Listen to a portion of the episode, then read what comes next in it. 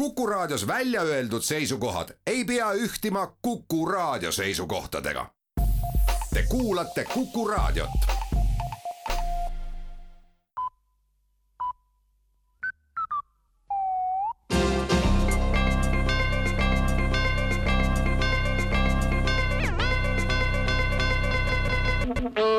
tere kuulama uudiseid stuudios Rohke Develak valitsus on kokku leppinud tähelepanu eelnõu kasutuselevõtus. kokkulepe näeb ette seaduseelnõu koostamise, milles ei sisalduks ühtegi arengut, regulatsiooni või muud kasulikku mõtet.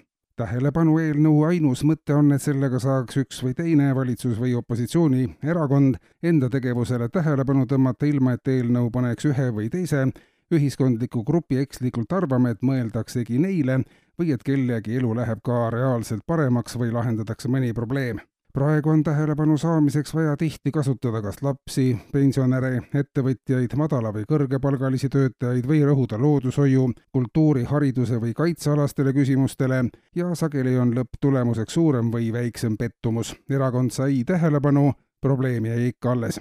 Tähelepanu eelnõu menetlemine aga teeniks ainult ühte eesmärki, ilma et kaasneks tülikad kõrvalmõjud maaelu etendamise sihtasutus aga avab toetuste taotlusvooru ettevõtetele, kelle põhiliseks tegevusalaks ja missiooniks on maaelu igakülgne etendamine nii maal kui linnas.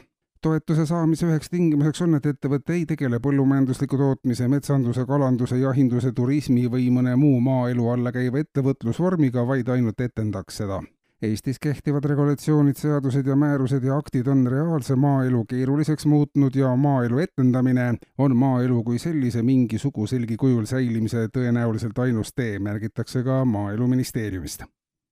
Tallinna linnavalitsuse teadusosakond on aga valmis saanud uuringu, mille ülesandeks oli saada teada, kas kõrge ametikoha andmine inimesele toob kaasa ka kompetentsuse nõutavas valdkonnas vabatahtlikult uuringuga liitunud katsealused pidid tegelema paralleelselt nii soojussõlmede kui hambaravi või meedia ja prügimajanduse ja transpordiga. uuring tõi välja, et neljakümnest katsealusest kolmkümmend seitse saavutasid positiivseid või ka rahuldavaid tulemusi peamiseks edu põhjuseks on tõenäoliselt kasvanud sissetulekud, mis võimaldasid inimesel osta kvaliteetset vitamiinide ja mineraalainete rikast toitu, mis omakorda mõjub hästi aju funktsioneerimisele seega vastabki tõele esialgne hüpotees, et annab erakond ametikoha, siis tekib pikapeale ka kompetents korruptsioon epidemioloogia jaam aga kutsub korruptsioonisõela uuringutele täna kõiki vahemikus tuhat üheksasada viiskümmend viis kuni tuhat üheksasada kaheksakümmend seitse sündinud poliitikuid ja ametnikke. eeluurimisbuss sõidab kuni kevadeni läbi Eesti ja peatub kõikide suuremate linnade ja vallakeskuste peaväljakutel.